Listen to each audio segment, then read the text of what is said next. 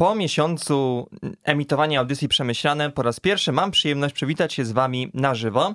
Z tej strony Paweł Krastacz. Niestety dzisiaj bez mojej towarzyszki Oli Sycz, ale za to na odmianę mamy realizatora Aleksa Kartaszowa, który jest za szybą i się teraz właśnie nawet rączką pozdrawiamy.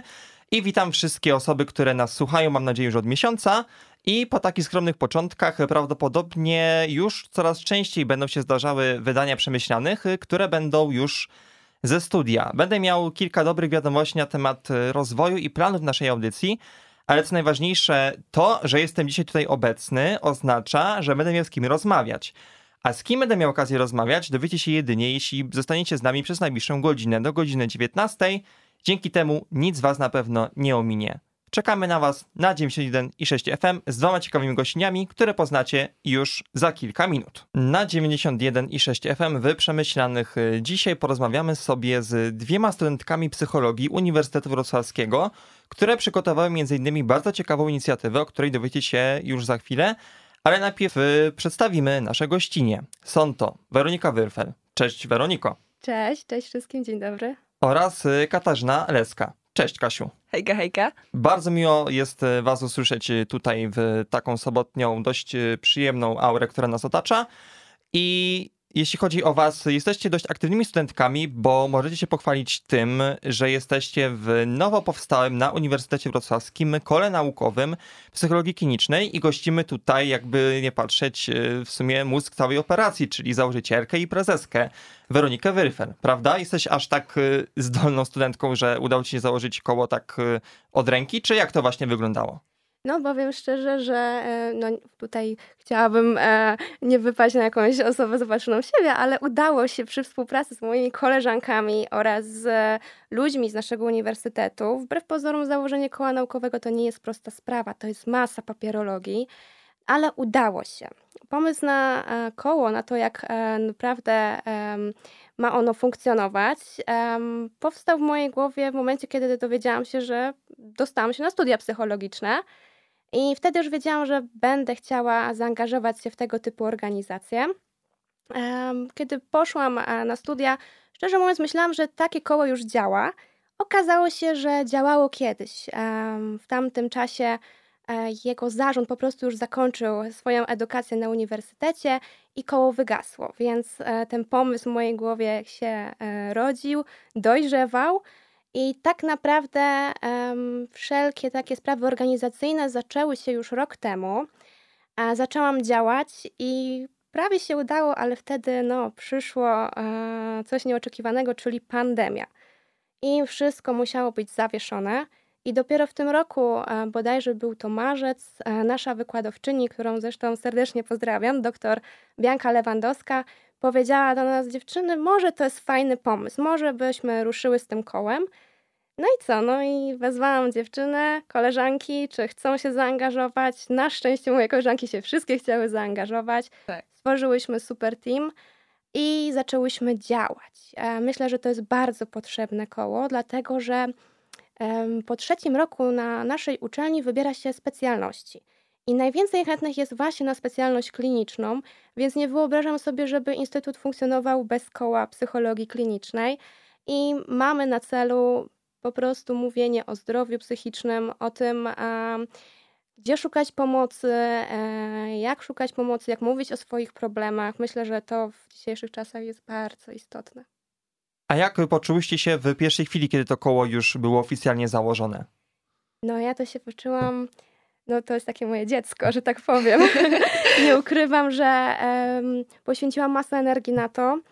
E, tak naprawdę przez e, jakiś czas nie, nie myślałam i nie mówiłam o niczym innym, tylko o tym kole. E, było to dla mnie bardzo ważne. Mm, co prawda myślałam, że się nie uda, bo mnie wszyscy straszyli, że założenie koła to jest około, nie wiem, trzech miesięcy. Założyłyśmy miesiąc chyba nawet. Bardzo szybko, tak. Bardzo szybko się nam udało. No i byłam bardzo szczęśliwa. Ja przyznam, że ja poczułam taką moc sprawczą, bo mogłyśmy działać, mogłyśmy realizować różne nasze projekty. Um, no i też, e, też jakby to było, było super, że uzyskałyśmy ogromne wsparcie z Instytutu, ponieważ w sumie to pracownicy byli bardzo chętni, bardzo nam pomogli z, i z założeniem koła i tutaj mówili już o jakimś dofinansowaniu czy coś, więc e, są możliwości. Tak, e, bardzo miło słyszeć. E, To jest powiedzmy już moja tradycja w redakcjach popularnaukowych, które prowadzę, że rozmawiam bardzo często z aktywnymi studentami, studentkami. Więc e, kolejne koło naukowe do mojej kolekcji jest e, jak najbardziej czymś e, wyjątkowym i ciekawym. Ale spotkaliśmy się tutaj z okazji projektu, który nawet jak na taką liczebność kół jest bardzo wyjątkowy. Ale żeby dowiedzieć się o co chodzi, zostańcie z nami na 91 i 6 FM. Nadajemy z Politechniki Wrocławskiej. A nadajemy jak co sobotę w te wakacje na temat dobrostanu, dobrostanu i zdrowia psychicznego. Wracamy do rozmowy z Weroniką Wyrfel i Katarzyną Leską, studentkami psychologii. I już y, opowiedzieliśmy o tym, jak y, powstał pomysł y, koła naukowego psychologii klinicznej, ale skoro już jesteście takim kołem, no to koła coś powinny robić, prawda? Koła nie są tylko dla papierów, nie są tylko dla tytułów, ale dla działalności. I powodem, dla którego zaprosiłem Was tutaj, jest y, naprawdę wyjątkowy projekt, y, o którym opowie Wam teraz Weronika. Tak, e, dokładnie. Nasze koło obecnie realizuje projekt e, pod tytułem Na rozdrożu. Może na początku opowiem, jak się zrodził pomysł. E, Otóż właśnie tutaj też przyczyniła się doktor Bianka Lewandowska, ponieważ na jednym z wykładów dołączyła nam lekturę obowiązkową. Była to publikacja UJ-u pod tytułem Moja wędrówka. I ta publikacja właśnie składała się z historii ówczesnych studentów UJ-u, którzy przechodzili różne kryzysy e, psychiczne e, czy też załamania.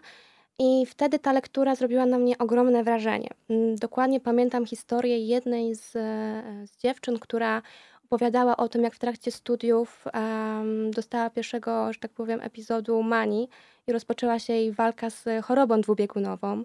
Tej opowieści poruszała em, ten temat, że kilkukrotnie musiała przerywać e, swój, em, swoje studia. No jednak wywarło to na mnie ogromne wrażenie i wiem, że na moich e, koleżankach też, e, zwłaszcza właśnie mojej bliskiej przyjaciółce Agacie Pietruszewskiej. I to z nią podczas e, jednej e, z rozmów, e, pamiętam e, wiosną, wieczorem, rozmawiałyśmy o tej publikacji i stwierdziłyśmy, kurczę, może by coś takiego rozkminić u nas na uniwersytecie, bo na pewno jest masa ludzi młodych w podobnym wieku do naszego, którzy takie problemy mają. No i co? I oczywiście tutaj telefon do dr Bianki Lewandowskiej z zapytaniem, czy, e, czy coś takiego w ogóle u nas by poszło. No, spotkałyśmy się z e, pozytywną odpowiedzią, więc em, poszukałyśmy też e, drugiej osoby, która byłaby chętna do tego. Włączyła się nasza opiekunka koła, e, dr Małgorzata Włodarczyk i razem zaczęłyśmy myśleć, co by tutaj e, zrobić bo zebranie informacji i historii studentów, e, którzy przechodzą czy przechodzili kryzys e, psychiczny, to jedno, ale co zrobić z tymi historiami? No i pomyślałyśmy, kurczę, może wydamy książkę. No tylko, że em, od pomysłu wydania książki do, jej, do samego wydania to jeszcze jest długa droga, zwłaszcza, że jest to związane z sporymi nakładami finansowymi, gdzie no, na kieszeń studencką raczej są to dość kwoty nieosiągalne.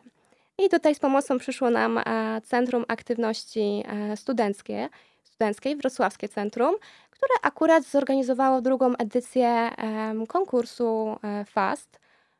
Funduszu Aktywności Studenckiej. Dokładnie. Mhm. I e, w tym konkursie trzeba było zgłaszać e, różne projekty, pomysły na zrealizowanie ciekawych projektów.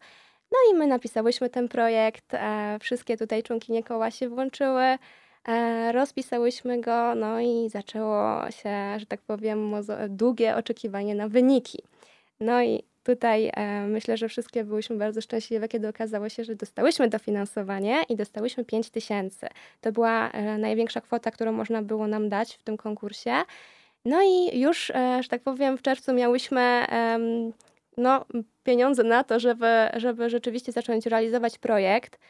I nasz projekt będzie polegał na tym, że szukamy wszystkich studentów UWR, czy obecnych, czy oczywiście z przeszłości, którzy mm, w swoim życiu przeżyli bądź przeżywają kryzys psychiczny, może zmagają się z różnej maści zaburzeniami, chorobami i którzy są gotowi podzielić się tymi historiami z nami.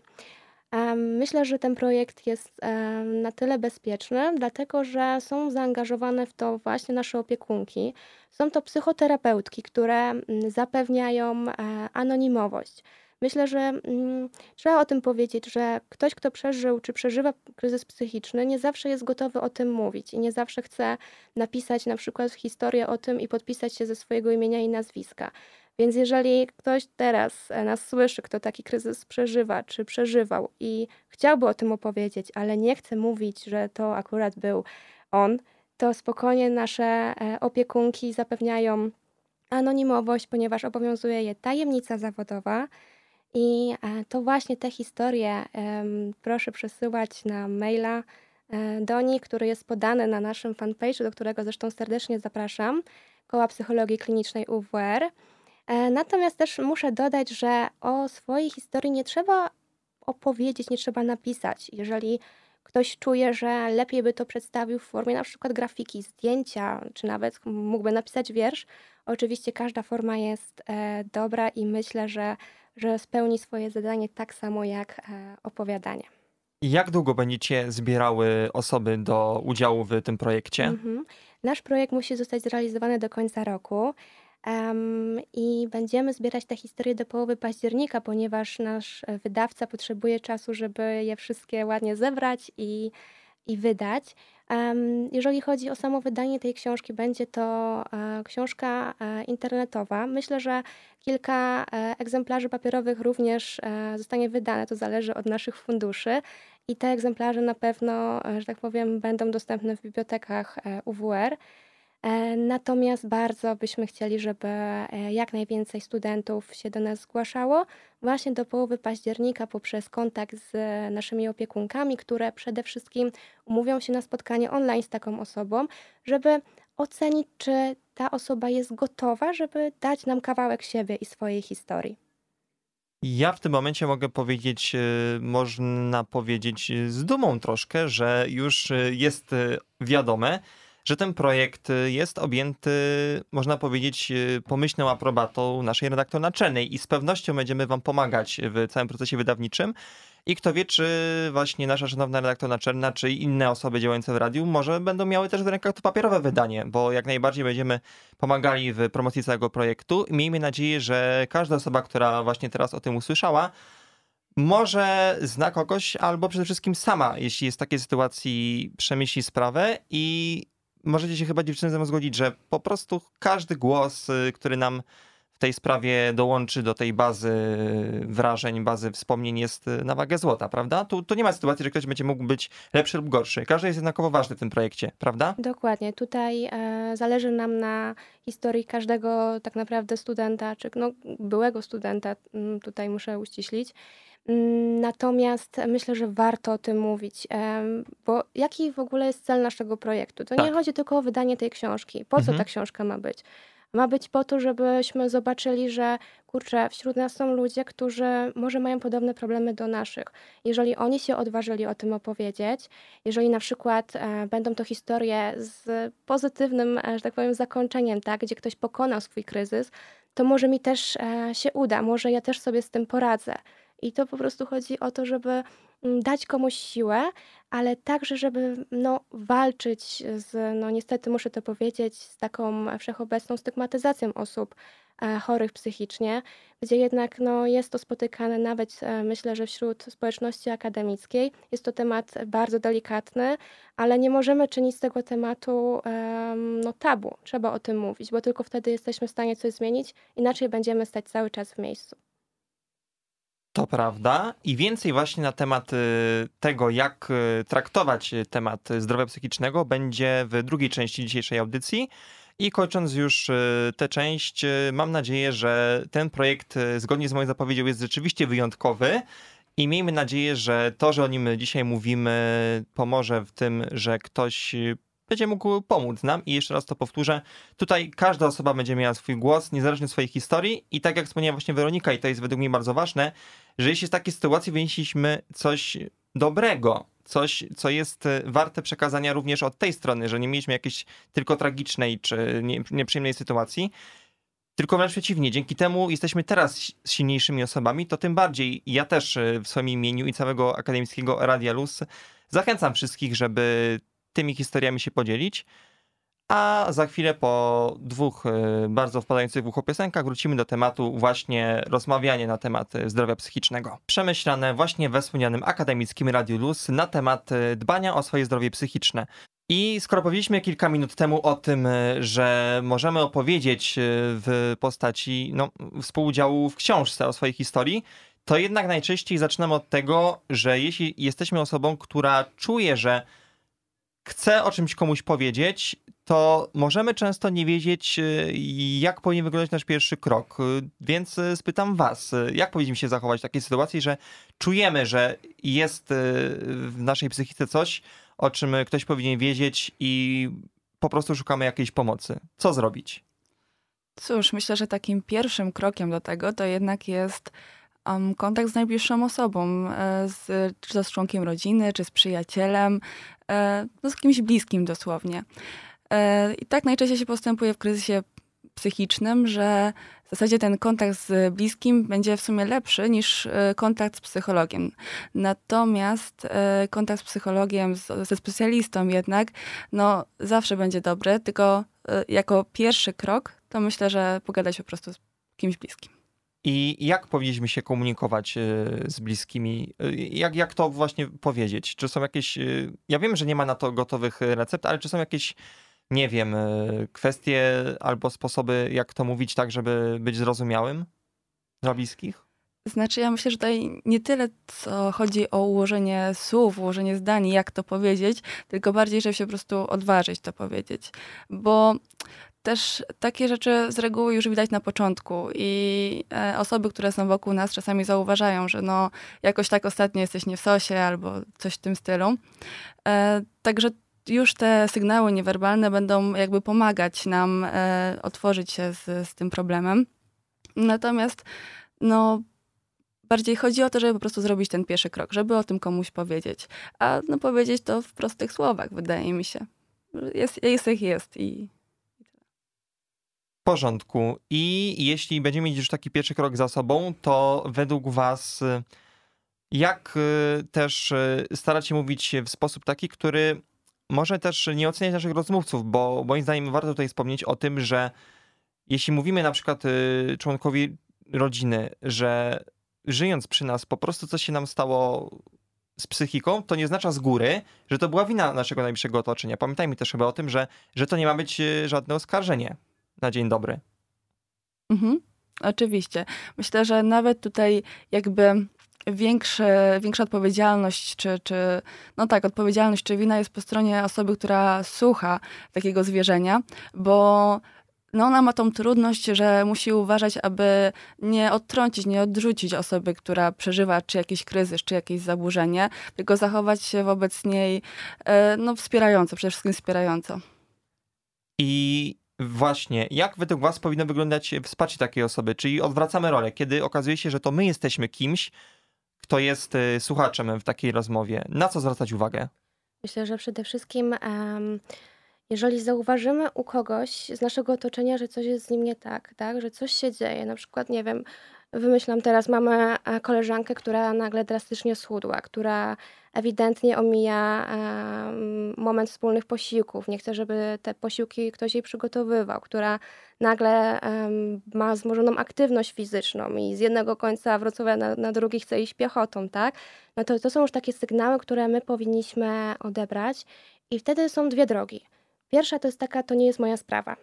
No i myślę, że większość z nas może rzeczywiście tą drogą pójść, ale e, druga droga, chociaż jest myślę, że cięższa emocjonalnie dla nas, jest to droga taka, że po prostu trzeba się zapytać, co się dzieje, zainteresować się.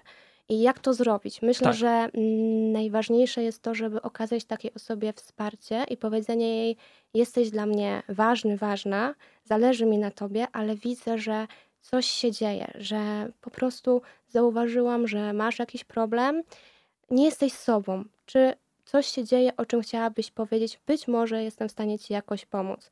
Myślę, że taka postawa pełna empatii, wrażliwości i zrozumienia, a przede wszystkim nieoceniania, tak? Bo to czasem, co nam powie ta druga osoba, może być dla nas e, szokiem, może być dla nas zupełnie niezrozumiałe, tak? Ciężko jest wejść tak naprawdę w buty osoby, która zmaga się z różnymi zaburzeniami, czy na przykład jest to zaburzenie odżywiania. Jak zrozumieć osobę, która jest bardzo chuda już tak naprawdę i ona mm, powie nam, że widzi się w lustrze jako osoba otyła. Jak zrozumieć taką osobę?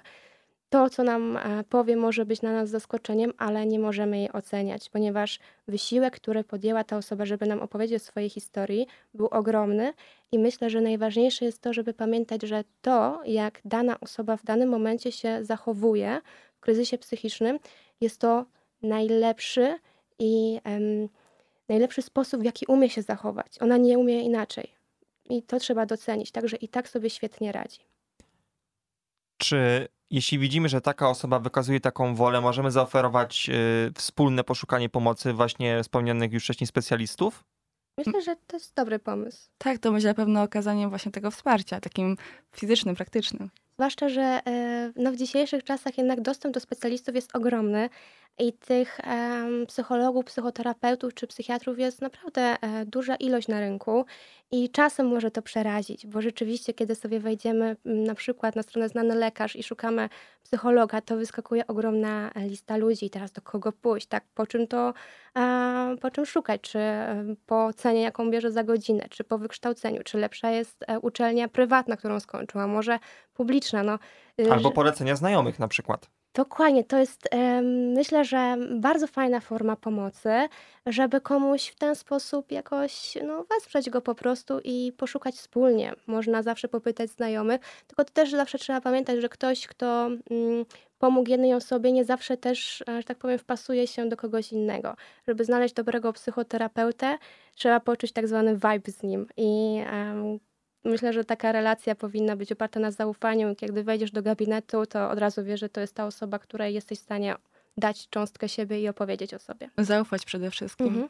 Też zwrócę uwagę, że jakby to wsparcie okazane przy poszukiwaniu e, psychologa czy psychoterapeuty, to przede wszystkim ułatwia ten kontakt ze specjalistą.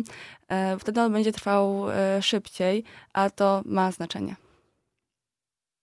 I właśnie na temat y, tego, jak rozmawiać y, na ten temat, jeszcze sobie wrócimy już za chwilkę.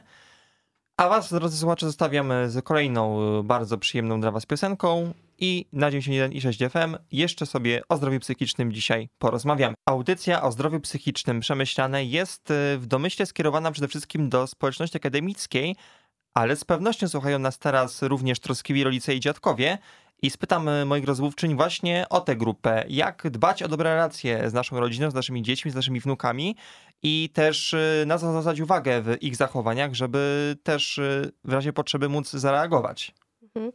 Ja myślę, że mm, na rodzicach, dziadkach czy w ogóle starszych członkach rodziny, no niestety leży ogromna odpowiedzialność. Bo no, jest tak, że im wcześniej zauważymy jakieś no, dziwne zachowanie u młodego człowieka, tym a ma on większą szansę na zdrowe życie. To znaczy, jeżeli mm, rozwija się u kogoś zabu- zaburzenie psychiczne i na przykład zostanie zdiagnozowany w wieku 20 lat i pójdzie na psychoterapię, zacznie się leczyć, to tak naprawdę jego szanse na em, prowadzenie w przyszłości całkowicie zdrowego życia są o wiele większe. Tak? Nie chcę też, żeby to zostało źle zrozumiane, że jeżeli ktoś się zapisze na psychoterapię, na przykład kiedy ma 40 lat, to już, e, że tak powiem, nic to nie da, to zupełnie nie o to mi chodzi, tylko jednak e, kiedy jesteśmy młodsi, nasz umysł i nasza osobowość jest jeszcze plastyczna, nie do końca uformowana i mamy szansę na to, żeby funkcjonować w miarę zdrowo. No i też chodzi o tą jakość życia, żeby po prostu swoje życie przeżyć e, no, w sposób przyjemny, dobry, żeby ta jakość życia była e, na wysokim poziomie, natomiast wszelkie zaburzenia ją obniżają. Dlatego też tak myślę, że jeżeli mówimy o starszym pokoleniu, no myślę, że zdarza się coś takiego, że mm, no kiedyś em, nie, jakby temat zdrowia psychicznego nie był tak popularny jak teraz. Kiedy ktoś chodził do e, psychologa czy do psychiatry, no to oznaczało, że no, pewnie ma jakiś naprawdę poważny e, problem. I tak naprawdę mm, nie chcę użyć słowa moda, ale e, częstość chodzenia do psychoterapeutów w dzisiejszych czasach jest na pewno dużo e, Większa, tak, znacznie wzrosła. I Myślę, że jeżeli chodzi o rodziców czy, czy dziadków, fajnie, jeżeli będą oni otwarci na takie tematy. Jeżeli mm, posłuchają właśnie takiej audycji jak nasza, czy zaczną czytać różne mm, poradniki, e, reportaże o zdrowiu psychicznym i będą mieli, myślę, wtedy szansę zauważyć coś u swoich wnuków czy dzieci i będą w stanie im pomóc, bo im szybciej zauważą, tym tak naprawdę dadzą tej osobie szansę na lepszą jakość życia w przyszłości. Czyli to, że mamy właśnie w rodzinie osoby, które potrzebują pomocy i to, że z niej korzystają, to nie jest żadna kara ani dla nas, ani dla nich, tylko wręcz właśnie wyraz chyba mogą żyć wprost, wprost wręcz takiej naszej troskiej miłości do, do naszego członka rodziny. To chyba w ten sposób powinniśmy o tym myśleć. To nie jest y, coś, y, za co powinniśmy kogoś stygmatyzować. Dokładnie. Wydaje mi się też, że często e, rodzice, czy no po prostu osoby, które wychowały dziecko, które ma problem psychiczny, obarczają siebie winą. Uważają, że to one zrobiły coś źle w etapie wychowania. I być może rzeczywiście coś tam nie poszło po ich myśli, ale bycie rodzicem tak naprawdę myślę nigdy nie idzie po, po myśli i zawsze e, może, mogą się zdarzyć jakieś potyczki. Natomiast em, to już było i do tego nie można wracać. Najważniejsze jest okazanie wsparcia i próba zrozumienia, tak? Jeżeli nam jest, młodym ludziom, ciężko zrozumieć e, czasem naszych rówieśników i ich problemy, to podejrzewam, że dla osób starszych od nas, no, które wychowywały się w innych realiach, jest to jeszcze większy problem, ale nie zamykajmy się na to. Także jeżeli słuchają nas jacyś e, rodzice, e, dziadkowie, to naprawdę, jeżeli mm, wasze dziecko, wasz wnuk ma jakieś problemy, to nic złego. Najważniejsze jest to, że on pójdzie po pomoc, zgłosi się do specjalisty, bo pójście do specjalisty jest początkiem jego zdrowienia i wyrazem ogromnej odwagi. Potwierdzam Wasze słowa, a podsumujemy naszą, naszą rozmowę już za kilka minut, więc zostańcie na 91 i 6 FM, aby dzisiejsze przemyślane właśnie w takim miłym gronie, spokojnie i na luzie zakończyć. Kończymy dzisiejsze spotkanie z dwiema studentkami psychologii, z Weroniką Wyrfel i z Katarzyną Lecką, które są kolejno prezeską i wiceprezeską nowo powstałego Koła Naukowego Psychologii Klinicznej. Przypomnijcie dziewczyny jeszcze raz, y, gdzie znajdziemy wszystkie informacje na tematy projektu na rozdrożu, który ma być y, docelowo książką na tematy osób, które zmagają się ze zdrowiem psychicznym. Wszystkich e, zainteresowanych studentów czy byłych studentów, którzy zmagają lub e, zmagali się z problemami natury psychicznej, zapraszamy na nasz fanpage na Facebooku Koło Naukowe Psychologii Klinicznej. Pod tą samą nazwą znajdziecie nas na Instagramie. Tam będą wszystkie informacje, jest też utworzone wydarzenie. Jeżeli jesteście tylko gotowi i chętni na to, żeby opisać nam swoją historię, czy to pod swoim imieniem i nazwiskiem, czy też anonimowo, co zapewniamy, to gorąco Was do tego zachęcam, ponieważ razem możemy zrobić naprawdę piękną rzecz i rzecz, która może dać e, innym wsparcie i pomoc. Tak, serdecznie zapraszamy. I nie dodając już nic więcej, po prostu zostawiam wam, e, drodzy słuchacze i słuchaczki, te kwestie do namysłu, a sam przekażę też informację, którą obiecałem tydzień temu, że założę w właśnie minionym tygodniu Spotify naszej audycji i tak się stało, więc dotychczasowe rozmowy, które mieliście okazję usłyszeć e, przez ostatnie kilka tygodni są już dostępne na właśnie wspomnianym Spotify pod nazwą Przemyślane. I wszystkie rozmowy, również te dzisiejsze, docelowo będą się tam e, pojawiały. Pojawił się też również dzisiaj nasz Instagram, który nazywa się Przemyślane 916 FM, czyli Przemyślane 916 FM, gdzie też będziemy udostępniali wszystkie informacje na temat naszej działalności. I jeśli ktoś byłby zainteresowany kontaktem ze mną i z Olą właśnie przez Instagrama na temat naszej audycji albo z jakimś zapytaniem, propozycjami, jesteśmy jak najbardziej na to otwarci. Za dzisiaj dziękuję Wam Paweł Chrastacz i realizator Aleks Kartaszow. Spędźcie dobrze ten weekend i następny tydzień i usłyszymy się już za tydzień w kolejnej bardzo ciekawej rozmowie na temat dobrostanu i zdrowia psychicznego nas wszystkich.